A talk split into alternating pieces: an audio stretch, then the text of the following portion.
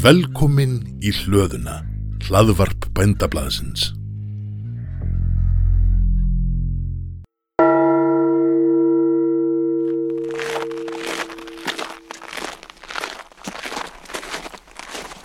Við skóareigendur, eh, árgangur 2021. Jólatrjárækt, reynslisaga, skórækt í Reykjúsaskógi, höfundur Anna Guðmustóttir Les. Bændaskórækt hófst í Reykjúsum árið 1983 og rann svo inn í Norðurlandsskóa. Planta var samkvæmt áallun skóaráðgjafa, langmest lerki fyrst og svo furu eftir ástandi og gæðum jarðvegs og gróðurs. Engu byrki var plantað þar sem nokkuð varum sjálfsáði byrki sem fór að verða áberandi eftir að landi var fríðað fyrir söðfjörbeitt.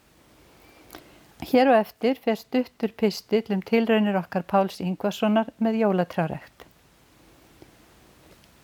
Rauðgreini úr skórækt. Árin 2003 og 2004 var plantað 500 rauðgreini plöntum að mestu í þokkalega frjósamt land norðan við Lerkilund. Norðan við grenireitin var að vaksa upp sjálfsáði byrki á stangli. Lifun plantnana var góð og þær tóku fljótt við sér en setni í rýrari jarvegi. Eftir þrjú ár var gras reitt frá plöntum og gefin ábyrður. Á næstu árum var farið einu sinni eða tvísvar og gras tróðið niður í kringum plöntunar. Síðan var ekki synd um trén fyrir 2015. Þá var farið um reitin og greinabil jafnað með greinagreiðu þar sem þess þurfti. 2016 var kliftur leggur á tré sem voru árið 90 til 100 cm há eða meira, greinahorn jöfnu með greiðum og toppar lagfærðir með toppspelkum. Í september voru áleitleg tré mælt og flokkuð í þrjá stærðarflokka og fólki búið að koma og velja sér tré í byrjun oktober. Stærð trjána mælum við frá jörð að efsta greinakransi. Trén merti fólk sér með númeriðum miða úr vasseldum pappir og við skráum hver á hvaða númer. Um miðan desember voru trén högvin og ekki til kaupanda og meðfylgdu leiðbenningar um meðferð. Heimbóðið í skógin auglistum við á Facebook síðu skóarins í auglýsingablaði Eyjafjörðarsveitar og við höfum einni hengt upp auglýsingu á stöku stað í nágrenninu. Eftir þessa reynslu af því að bjóða fólki heimað hausti höfum við haldið því áfram og verið búin að velja og starðanmerkja þau tré sem eru til sölu á bylinu 1,25 til 2,25 metra.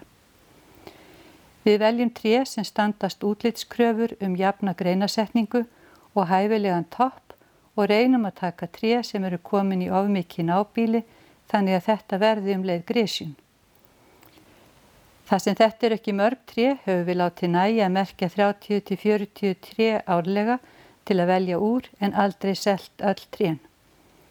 Við höfum valið tré fyrir kaupendur sem ekki hafa tök á að koma og þeir tiltaka þá hæð og hvort þeir vilja umfangsmikið eða grannvaksi tré.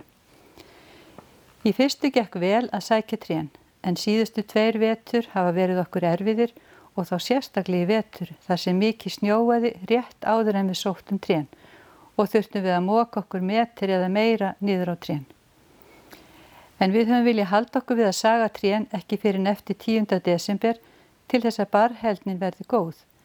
Við höfum sem sagt verið að reyna að vinna marka fyrir auðgreni með því að hafa góð tré sem halda barrinu en við urðum vörfið það að margir hafðu ótrú á auðgreni. Var það vegna gamallar einslu þar sem barrið endist ekki jóladaginn á þurrum trjám sem hafðu verið högvin of löngu fyrir jól. Tilrun með ræktun jólatrjá á Akri. Vorið 2012 var plantað í tilrunaskinni í lítinn reit í jæðri á gamlu túni sem hafi verið úðaðið með plöntu eitri og plægður árið áður. Við settum niður tveggjára rauðgreni, 70 stykki, fjallathinn 80 og blágreni 48, samtalstæflega 200 plöntur. Áburðu var ekki notaður þar sem jarðugur var mjög frjór. Trjákurl var lagt með plöntunum og í langvarandi þurkatíð á miðju sumri var vökvað. Góð lifun var árið eftir. Sumarið 2014 var grasfarið að vaksa upp og var þá reitt frá plöntunum og slegið með vélorfi millir aða, tvirsa sinnum yfir sumarið og útflattar mjölkurfernur lagðar kringum trén til að verja þær fyrir grasvexti.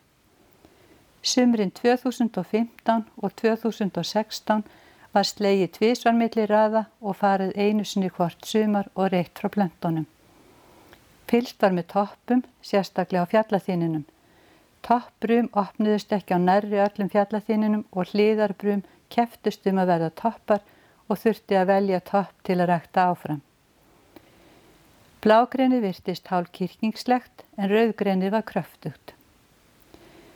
2017 var liðið fram í júnilokk þegar farið var að huga plöntunum. Þá var svo mikill grasvöxtur að var alltaf sást í fjallaþinin. Slegi var á milli raða með vélorfi og grasið klift næst plöntunum og settar nýjar mjölkufernir þar sem þess þurfti. Tapparnir og barið á fjallaþininum leitt mun betur út en næstu tvö ára undan. 2018 leitt fjallaþinurinn nokkuð vel út. Það er toppar brumuðu flestir vel og um hausti voru falleg toppbrum á honum svo nú heldum við að hann væri komin á beinubrautina. En viti menn, voruð eftir 2019 var ekki nefn um það byl helmingurinn af brumunum sem opnaðist. Hinn virtust torna eða kala. Hins var blágreinir búið að taka við sér, bústið og fallegt og rauðgreinir er að nálgast sölustærð 1,20 metrar að meðaltali í haust. Árið 2017 og 2018 var bætt í tilraunina þegar við plöntuðum rauðgreini og blágreini í nýjan reit sem var í gömlum karteflugarði. Þar var ekki plægt, gísið gras, mest húsapunktur, var tróðið niður og útflattar mjölkufernur settar í kringum hverja plöntu og gefin matskeið af blákorni samtals voru þetta 200 plöntur. Einni gróðu setti við 2017 smávegis að fjalla þinn inn í gísna bletti í lerkiskógin í námynda við rauðgrennireitin og í stað trjáa sem höfðu verið höggvinn sem jólatri árin á undan. Sá fjalla þinnur virðist ekki kala í toppin líkt og sá sem er á akrinum. Hvað hefur við lært? Nokkur atriðum á tína til. Í fyrsta lagi, fjallaþínur er dindóttur og virðist ekki þóla veruna á akrinum þó að trjágróður veiti skjól fyrir vindu úr öllum áttum. Í öðru lagi, til að fá sem flest fallega vaksin jólatri er hægt að móta vöxt með greinagreiðum eða toppspelkum þegar þess þarf. Eitt vakstartímabil nægi til þess. Þriðja, Vinna við að slá grasvöxt þegar plantaðir í plækt tún er mikil, nema menn viljið nota því meira eitur. Ef rækta á jólatriði stórum stíl án eiturs er nöðsilegt að útvega sér græjur sem hægt er að keira á milli raðana og slá grasið áður en það verður óviðraðanlegt. Fjörða, rauðgreini vex vel og blágreini lofar góðu á akrinum.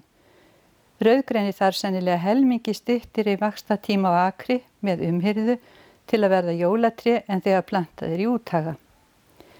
Í fymta lagi, snjór getur hamla verulega uppskeru störfum. Mikilvægt er að kanna hvernig best er að geima högvinn tré svo þau þorn ekki, þannig að hægt væri að ná í þau cirka mánuði fyrir jól. Og í sjötta og síðasta lagi, það er gaman að fá fólk í heimsókn í skógin í oktober til að velja jólatri og þykja ketilkaffi og bæði kaupendur og við komumst í jólaskap þegar við mætum hjá þeim með jólatrén í kerrunu viku fyrir jól.